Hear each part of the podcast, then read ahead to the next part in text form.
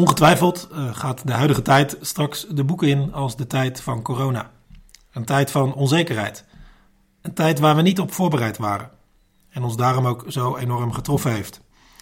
Een tijd waarin dingen naar boven kwamen die we niet hadden gedacht van onszelf. We dachten dat we nuchter waren, maar we blijken dat niet zo te zijn.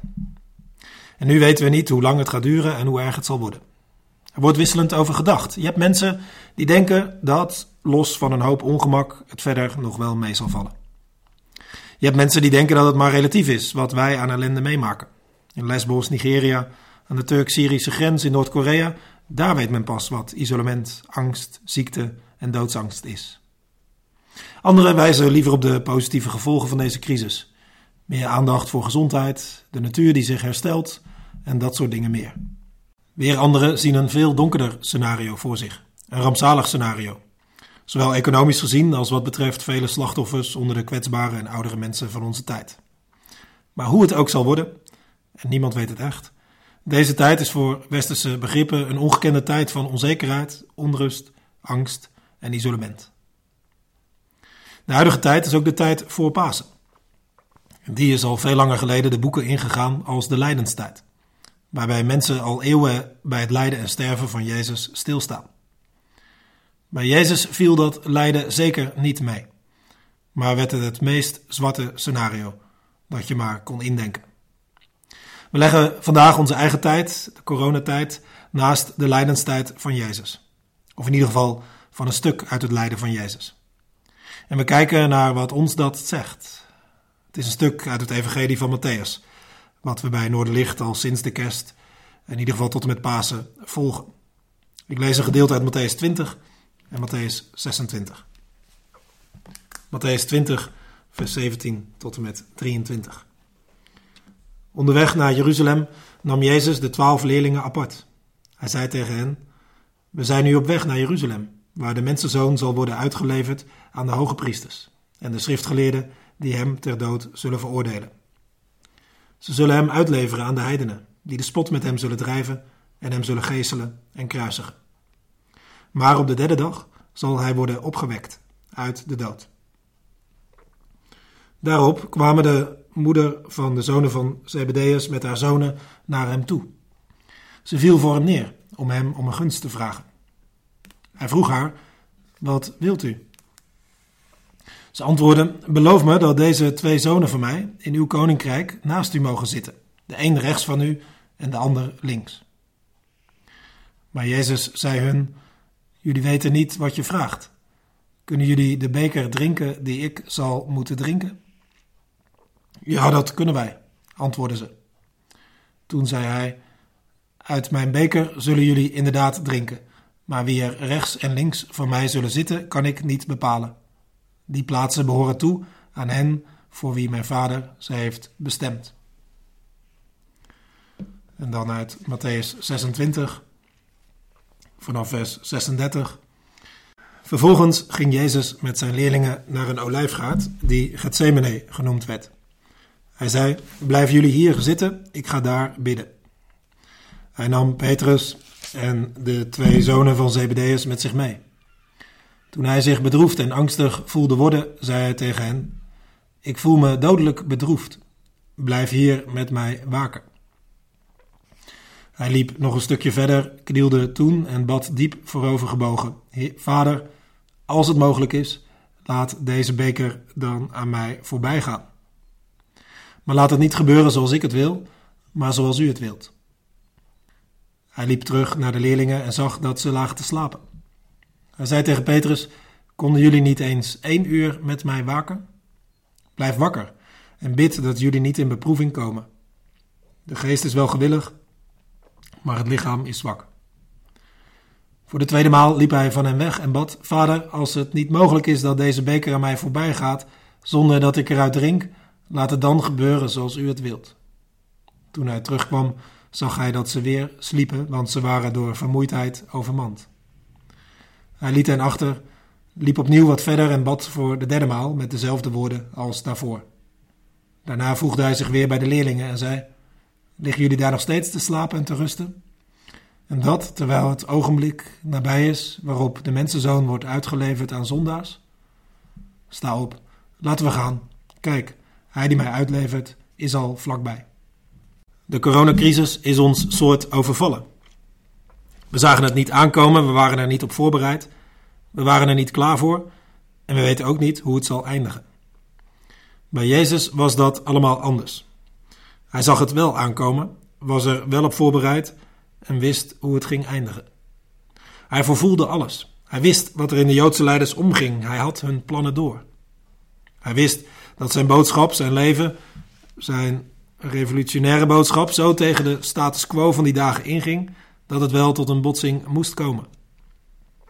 Hij wist dat Gods nieuwe wereld waar hij mee bezig was uiteindelijk niet te verenigen was met de machten van deze wereld. In Matthäus wordt keer op keer de nadruk erop gelegd dat Jezus wist wat hem te wachten stond aan lijden en sterven. En dat hij dit keer op keer aan zijn leerlingen probeerde over te brengen. Zo ook in Matthäus 20. Daar lezen we dat Jezus zijn leerlingen apart neemt om te zeggen dat ze niet zomaar weer eens optrekken naar Jeruzalem, maar dat het deze keer anders gaat worden. En Jezus vertelt dat hij gevangen zal worden genomen, ter dood veroordeeld, bespot en gekruisigd.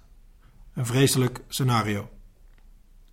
Ik vermoed voor de leerlingen van Jezus het meest zwarte scenario: dat hun leider, hun messias, van wie ze verwachten dat hij de hele politieke situatie in één keer voor hen ten goede zou keren, dat hij een vroegtijdige dood zou sterven. Daarmee zouden hun eigen dromen en idealen de grond ingeboord zijn. Jezus wist wel dat zijn volgelingen hele andere dingen in hun hoofd hadden: ideeën over macht, status, een einde aan de Romeinse overheersing, vrijheid. En daarom dat hij ze wil voorbereiden. Maar zijn woorden lijken niet bij zijn leerlingen aan te komen. Ze kunnen of willen de werkelijke betekenis ervan niet bevatten. Zo blijkt in hoofdstuk 20. Want vlak nadat Jezus het een en ander gezegd heeft over zijn lijden en sterven, komt de moeder van twee van zijn leerlingen, Johannes en Jacobus, naar hem toe. Om hem, Jezus, om een gunst te vragen. Misschien wel op verzoek van die twee, wie weet. In ieder geval, zij vraagt om twee vooraanstaande ministersposten voor haar zoons. Overduidelijk zit deze moeder, net als haar zoons, met andere dingen in haar hoofd dan waar Jezus het net over had gehad. Misschien hadden ze gedacht dat Jezus figuurlijk sprak, als dat er grote offers gebracht moesten worden om een grootse overwinning te halen. Zoiets. Of paste het zo niet in hun plaatje dat ze het maar gewoon geparkeerd hebben als dat zal ik wel niet goed gehoord hebben en er voor de rest maar snel aan voorbij gegaan zijn. In ieder geval blijven ze niet lang bij de offers en het lijden stilstaan en zijn ze met hun hoofd al bij de overwinning en hoe zij daar maximaal van kunnen profiteren. Ze kunnen er niet aan of willen er niet aan dat Jezus letterlijk bedoelt met wat hij zegt over gevangenschap, lijden en sterven. En we kunnen ons dat natuurlijk wel voorstellen. Soms wil je bepaalde berichten gewoon niet horen. Kun je die niet erbij hebben en dan probeer je het zo lang mogelijk te ontkennen. Maar dan zegt Jezus: Jullie weten niet wat je vraagt. Nee, ze hebben geen idee wat ze vragen. Want de linker en de rechterzijde van Jezus, dat zal een paar dagen later terugkomen als Jezus hangt aan een kruis. Met ter linker en ter rechterzijde twee misdadigers die zijn meegekruisigd. Als ze bij Jezus willen horen, dan is ter linker en ter rechterzijde niet direct een ministerspost, maar eerder een plek van groot lijden. En daarom vraagt Jezus aan Jacobus en Johannes: Kunnen jullie de beker drinken die ik zal moeten drinken? Oftewel, kunnen jullie het lijden met mij meemaken? Ja, natuurlijk, dat denken ze wel te kunnen. Ze denken niet meer na, deze twee overenthousiast als ze zijn geworden bij het idee van die twee vooraanstaande posities. En Jezus zegt dan: Uit mijn beker zullen jullie drinken. Ze zullen inderdaad lijden omwille van hem. Maar die machtsposities, die kan hij hen niet beloven. Daar gaat hij niet over. En ik stel me zo voor dat deze twee broers en hun moeder wat teleurgesteld afdruipen. Even de link naar ons. Wij kunnen toch soms ook zomaar zijn als deze twee broers, Johannes en Jacobus en hun moeder. Zo vreemd is een reactie op die lijdensaankondiging van Jezus toch ook weer niet. Ook wij willen het vaak toch ook wel hebben over het mooie en het goede en het comfortabele. Over lijden, moeite, dood, daar hebben we het liever niet over. Dat verdringen we misschien wel zelfs. Net als de leerlingen praten we niet door, vragen we niet door bij moeilijke dingen, maar veranderen we liever van gespreksonderwerp. Is onze hele cultuur niet soms als die leerlingen? Want hebben we het niet verleerd om te praten over mislukking, verdriet, dood en ellende? Dirk de Wachter, een psychotherapeut uit België, heeft de laatste jaren ook in ons land nogal wat bekendheid gekregen. En hij wordt niet moe om ons dat keer op keer te vertellen.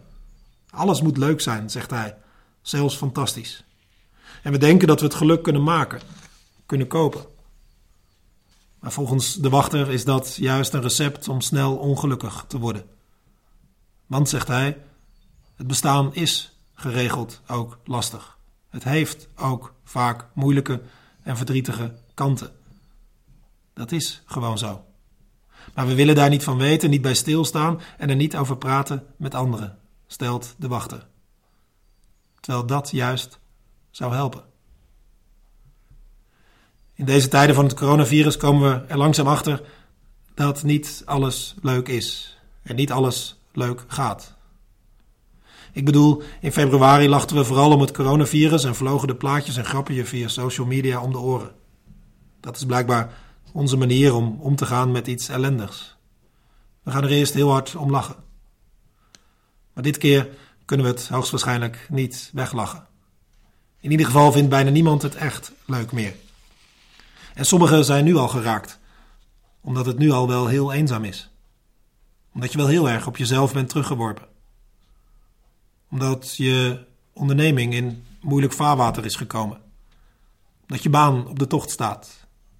Omdat je allemaal extra diensten moet draaien terwijl je al op was.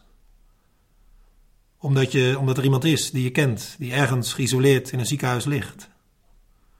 Omdat het stress is met dat thuisonderwijs, omdat het je helemaal niet lukt of omdat je kind eigenlijk speciaal onderwijs nodig heeft. We dachten dat alles leuk kon zijn. Maar dat is dus niet zo. Dat weten we nu allemaal. Dirk de Wachter vertelt het ons al jaren. Maar ook zonder hem hadden we het natuurlijk al lang kunnen weten. Het leven is niet alleen maar vol leukigheid te stoppen. De ellende is lang niet altijd te voorkomen. Jezus wist dit dat er ellendige dingen zijn waar je doorheen moet. Bij hem leidde dat trouwens niet tot een somber of zwartgallig bestaan. Integendeel, we zien Jezus soms van de ene naar de andere maaltijd, van het ene naar het andere feestje gaan. Jezus weet wat het is om successen te vieren, om overwinningen te behalen, om wonderen mee te maken, om mensen juichend van blijdschap te zien weggaan. Jezus bracht zo vaak vreugde, grote vreugde. Die brengt hij trouwens tot op de dag van vandaag, op talloze plekken. Zelfs ook bij mensen die in behoorlijk ellendige omstandigheden verkeren. Maar daarnaast wist Jezus ook van afwijzing, van spot, van conflicten en gedoe. Maar dat was allemaal nog kinderspel met wat hem uiteindelijk stond te wachten op het einde. Een vreselijk einde, vol van verraad, spot, afwijzing en geweld. Jezus wist dat het zou komen. Hij wist dat hij er doorheen zou moeten. Niet alleen uit Matthäus 20 blijkt dat. Het blijkt ook een paar hoofdstukken verder waar die beker weer terugkomt. We hebben het niet gelezen, maar het is tijdens het laatste avondmaal. Als Jezus zich zo ontzettend bewust is van wat komen gaat, van zijn lijden, opoffering en dood, dan heft hij de beker op en zegt daarbij: Drink alle hieruit. Dit is mijn bloed, het bloed van het verbond, dat voor velen wordt vergoten, tot vergeving van zonde. Hier staat de beker voor het lijden dat Jezus zal ondergaan, waarvan hij wist dat hij het zou ondergaan. En nog weer even later komt die beker weer terug in de hof van Gethsemane. Daar hebben we wel van gelezen. Een tuin waar Jezus in de late avond neerstrijkt met zijn leerlingen na afloop van dat laatste avondmaal. En Jezus ging daarheen om te bidden. En hij bidt tot zijn Vader in de hemel. als het mogelijk is, laat deze beker aan mij voorbij gaan. Maar niet mijn wil, maar uw wil geschieden. Weer staat de beker voor lijden. Maar hij staat ook nog ergens anders voor. En daarvoor moeten we terug naar het Oude Testament. In Psalm 75 bijvoorbeeld, of bij verschillende profeten. Waar ook geregeld over een beker wordt gesproken. En daar is de beker een beeld van oordeel van God. God die het kwaad, het geweld, het uitbuiten en onderdrukken van mensen, het machtsmisbruik, dat God er uiteindelijk helemaal klaar mee is. Het veroordeelt. Want God kan al zulk onrecht niet hebben. Dat moet hij oordelen en daarmee rechtzetten. En die beker is in dat soort teksten een symbool voor een oordeel van boven. Een oordeel van God. Een beker van oordeel. Laten we daar nog wat dieper op ingaan. Want de coronacrisis wordt soms ook wel gezien als een oordeel, zowel in zeer rechtse als in meer linkse kringen. In meer linkse kringen, al dan niet godsdienstig, kun je horen dat de mens dit over zichzelf heeft afgeroepen. Dat de natuur heeft gezegd na jaren van uitbuiting: dit kan zo langer niet meer. En de natuur slaat nu terug. In rechtsreligieuze kringen wordt de coronacrisis gezien als een rechtstreeks oordeel van God. Volgens, hen zegt God hiermee: wie niet horen wil, moet maar voelen. Het is nogal een gevaarlijke zaak om precies aan te geven wie waar en wanneer geoordeeld wordt. Jezus zelf zegt dat we dat niet moeten doen. Als mensen hem eens vragen of een groot ongeluk waar allerlei mensen waren omgekomen, of dat een straf van God was. Dan zegt Jezus dat je zo niet moet kijken. En dat het zeker niet zo is dat die verongelukte mensen slechter waren dan anderen en daarom dat ongeluk kregen. Zo, zo werkt het niet volgens Jezus. Je kunt niet bepaalde ellende één op één vertalen naar blijkbaar heb je iets verkeerds gedaan. Alsof de mensen die nu het meest geraakt worden door dit coronavirus het slechter hebben gedaan dan zij die straks de dans zullen ontspringen. Nee, zo zit het niet. Maar wat er wel over te zeggen is, over zo'n crisis, is dat God vaker via een crisis dingen rechtzet of ten goede keert. En dat is ook wat God met deze crisis van plan kan zijn. Want als je gelovig bent, dan is het een crisis die God blijkbaar niet voorkomen heeft. En je zou kunnen zeggen, met alle voorzichtigheid, dat God kans zag om met deze crisis dingen recht te zetten. En crisis, dat komt van het Griekse woord kritijn, een woord dat je ook kunt vertalen met oordeel. In het Nieuwe Testament, dat in het Grieks is geschreven, zit oordeel en crisis dus dicht bij elkaar. Daar is een oordeel, een, een crisis, een manier van God om dingen recht te zetten. Zoals ook in de rechtspraak een oordeel er is om dingen recht te zetten. En daarom zit er in het Bijbelse denken ook altijd een heel positieve kant aan oordeel, aan crisis. Dat zegt namelijk dat God het nog niet opgegeven heeft. Dat God bezig is de dingen rechter te maken, meer recht te zetten. En als je gelooft in God, dan is zo'n coronacrisis niet het einde.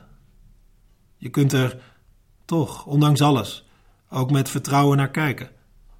Dat God ook zoiets naars kan gebruiken om dingen recht te zetten, rechter te maken. En ook die crisis van Jezus, dat oordeel dat Jezus gaat dragen, ook dat heeft die twee kanten. Aan de ene kant is iets, iets, iets verschrikkelijks, anderzijds iets hoopvols.